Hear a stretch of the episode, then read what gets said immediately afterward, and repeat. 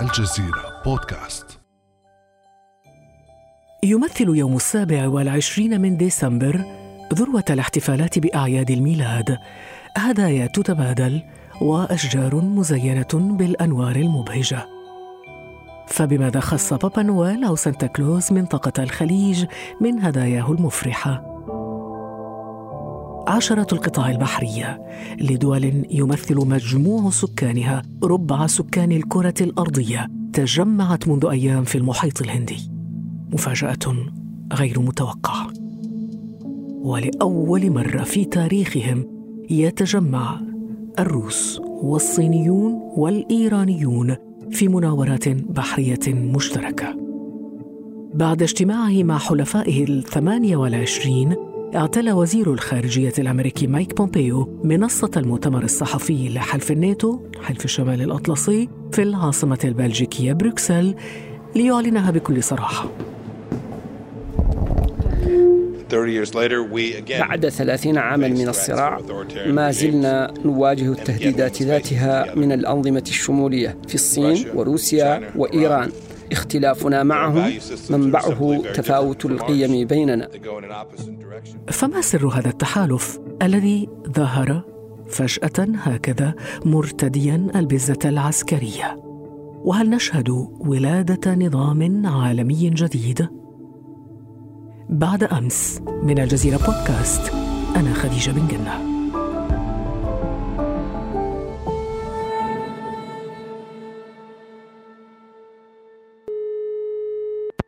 نرحب اذا في هذه الحلقة بزميلنا زاور شواج مدير مكتب الجزيرة في موسكو. ينضم إلينا من هناك ليفكك لنا هذه القضية الشائكة. أهلا بك زاور. أهلا بك خديجة. الجو بارد عندكم في موسكو لكن موضوعنا ساخن اليوم. آه، الجو ليس بهذه البرودة لأول مرة لم نشهد هكذا درجات حرارة مرتفعة في في في شهر ديسمبر. هذه ظاهرة من سبع منذ سبعين عاما لم تكن هذا جيد.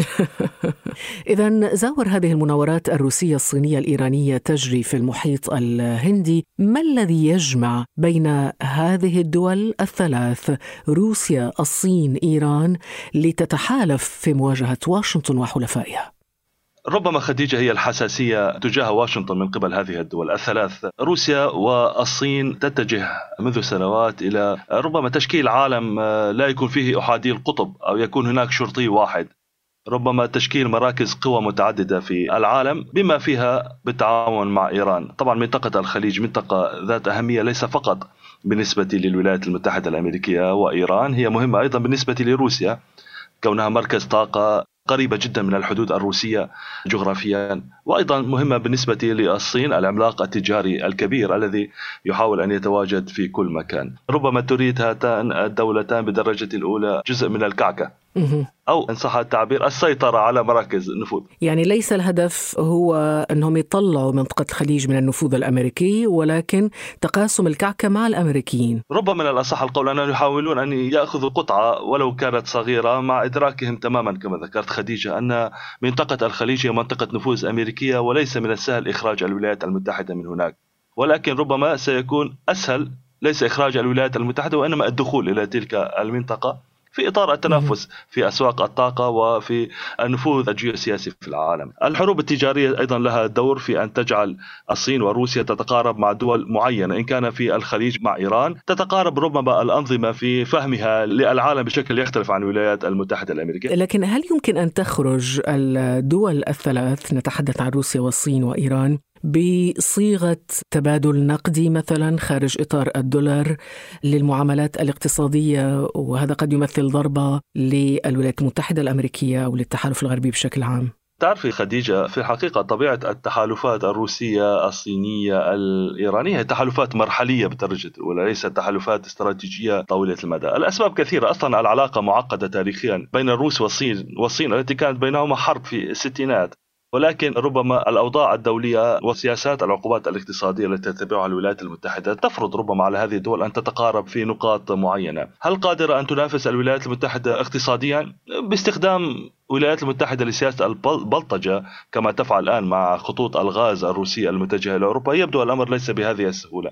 حتى الصين إذا لاحظت خديجة أنها تراجعت كثيرا أمام فرض ترامب للرسوم الجمركية الكثيرة على البضائع الصينية. الولايات المتحدة الأمريكية ما تزال اللاعب الأقوى اقتصاديا ولكن هناك اليوم مثلث نستطيع القول هو سيحدد ربما النفوذ المستقبلي في العالم. طبعا اللاعبين الرئيسيين هما الصين والولايات المتحدة الأمريكية وإلى درجة أقل تبدو روسيا ولكن هي طلع من هذا المثلث الذي كما قلت ربما سيحدد ملامح العالم في العقود القادمة.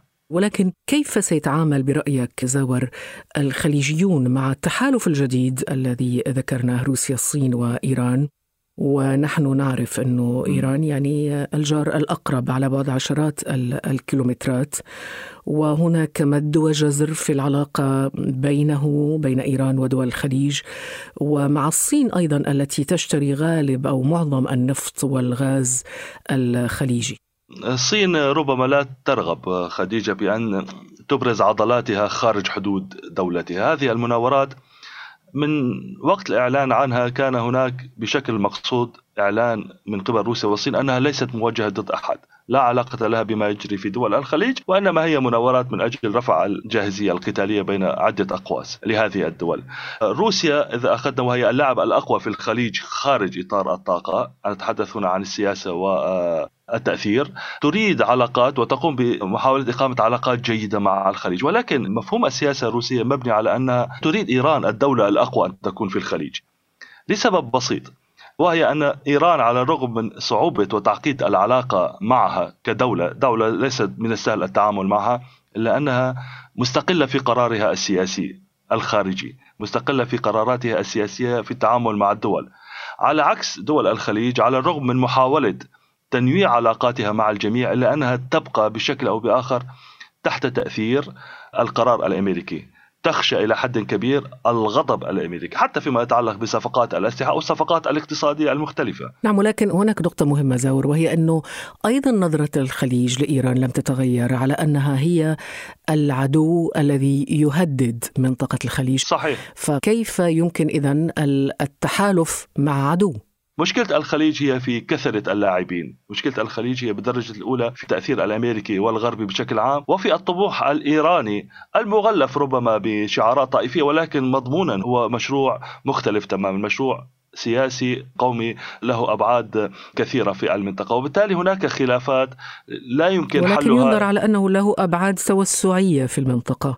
طبعا. بدون شك بدون شك له أبعاد توسعية على الأقل برأي كثيرين هذا ليس فقط برأي دول الخليج. لا حل بدون الجلوس إلى طاولة المفاوضات لا حل بدون عدم التدخل في مشاكل وفي أزمات هذه المنطقة المهمة. ولكن هذا يبدو امرا مستحيلا لأنها منطقة غنية وربما النفط هو كما يقول عبد الرحمن منيف في روايته الأتيه أنه هو كارثة هذه المنطقة للأسف. طيب هل يبدو السيناريو كالتالي زاور؟ إنه هناك دعم صيني وروسي لإيران في المنطقة في منطقة الخليج. كان في السابق هذا الدعم كان مقتصرا على تصريحات وفي أقصى الأحوال تقديم فيتو في مجلس الأمن. اليوم تطور إلى تحالف على شكل مناورات عسكرية في منطقة الخليج. هل الهدف هو بناء قوة؟ هذه القوة الإيرانية تكون هي ذراع روسيا والصين في المنطقة؟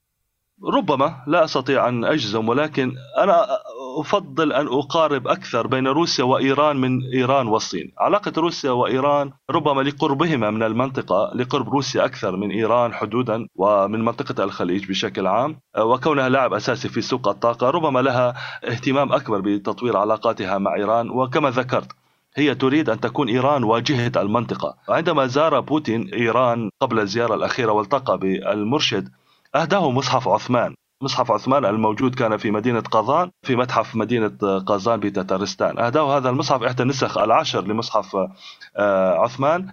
وهذا رأى فيه الكثيرون أنها رسالة من روسيا أنها تريد أن ترى في إيران هي واجهة العالم الإسلامي في تلك المنطقة. لاحقا بدعمها لتركيا أو على إقامة علاقات مميزة مع تركيا أرادت أن ترى في تركيا واجهة للعالم الإسلامي السني، روسيا تدرك تماما وتعرف كيف تلعب على هذه التناقضات صراحة. نعم. وبالتالي نعم هي تركز على أن تكون إيران هي القوة الأساسية في منطقة الخليج مدينة شنغهاي الصينية المزدحمة ب 25 مليون ساكن والمعروفة بكونها أحد أهم مراكز التبادل التجاري في العالم. تخفي سرا لا تطلع عليه إلا قلة قليلة. إذا توجهت شمالا وتحديدا عند التقاء نهر اليانجتزي بالبحر الأصفر سيفاجئك المنظر. منشأة عملاقة من الحديد الصلب في قلب حوض تشيانغنان الجاف. مئات العمال يتواثبون على سقالات أو رافعات البناء تثبت في أركانها دون توقف. العمل يتواصل ليل نهار لإكمال العمل على حاملة الطائرة الصينية الجديدة. الجميع يشعر بالفخر فعلى عكس الحاملتين اللتين سبقتاها هذه الحاملة صينية مئة بالمئة في التصميم والتسليح والبناء.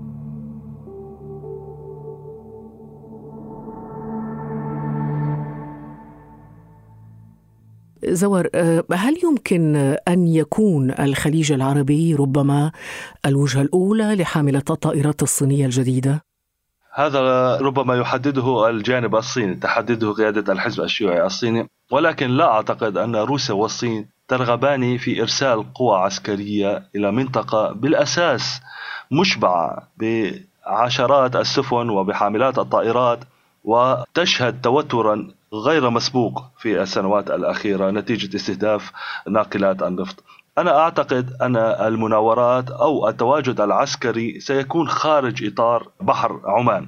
لن يتجاوز منطقة المحيط الهندي. لن تدخل هذه القوات إن كان الآن أو إن كان لاحقا إلى منطقة الخليج. إيران تدرك هذا بشكل جيد وهي ليست بحاجة إلى دعم عسكري مباشر ولن تدخل روسيا والصين بدعم عسكري مباشر لصالح إيران. هذه المناورات لها رسائل كثيرة وهي أن هذه الدول روسيا والصين بالدرجة الأولى لديها الإمكانية أن تتواجد في كل المحيطات وأن هذا الاحتكار للتواجد البحري الذي كان لدى الولايات المتحدة الأمريكية في محيطات العالم قد انتهى. وأن التكنولوجيا العسكرية للصين وروسيا قادرة إلى أن تصل إلى شواطئ الولايات المتحدة الأمريكية وهذا ما أظهره بوتين العام الماضي في استعراضه لأحدث الأسلحة التي ابتكرتها روسيا والتي تعتبر أسلحة فرد صوتية. إذا هو رسائل بالدرجة الأولى روسيا والصين لا أعتقد برأيي أنها سترسل بشكل مباشر إلى منطقة الخليج أسلحة أو حاملات طائرات أو سفن حربية على الأقل في المدى المنظور. لن ترسل. أعتقد لن ترسل. طيب كيف سيؤثر برأيك دخول بكين ميدان الصراعات المسلحة مع الغرب على آه، خططها في مشروع الطريق وطريق الحرير الجديد الذي يحتاج لكثير من الاستقرار كي ينجح؟ الصين آه، ربما لديها إنفاق كبير على التسلح في السنوات الماضية ولكن هي الدولة العظمى الوحيدة إن صح التعبير التي لم تبدي أي مظهر من مظاهر الرغبة في التوسع عسكريا. خارج إطار حدودها، لم تشارك في عمليات عسكرية خارج الصين كما فعلت مثلا روسيا في سوريا، كما تفعل اليوم في ليبيا تتدخل في مناطق عدة، قوات فاغنر متواجدين في دول أفريقية مختلفة، هناك تواجد عسكري روسي في فنزويلا في جنوب أفريقيا وهكذا.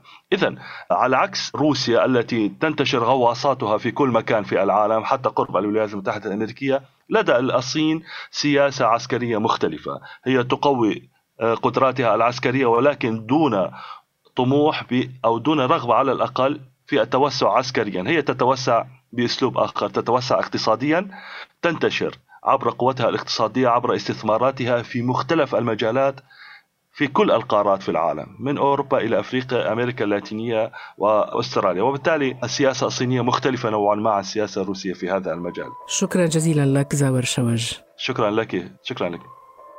في وقت مضى كان العالم ينظر للصين باعتبارها ورشة اقتصادية وقوة مسالمة لم تخض في تاريخها الحديث أي حرب كبرى. لكن يبدو أن تلك الأيام قد غدت من الذكريات. فنائب رئيس الأركان الصيني يصرح في طهران أن المناورات مع طهران وموسكو هي علامة تآزر ووحدة بين الحلفاء. من كان يتوقع أن المسالم سيتسلح؟ التحالف الثلاثي معضلة جديدة للتحالف الغربي فهو إن ترك على حاله تمدد وإن وجه فبتكلفة لا تطاق. كان هذا بعد أمس.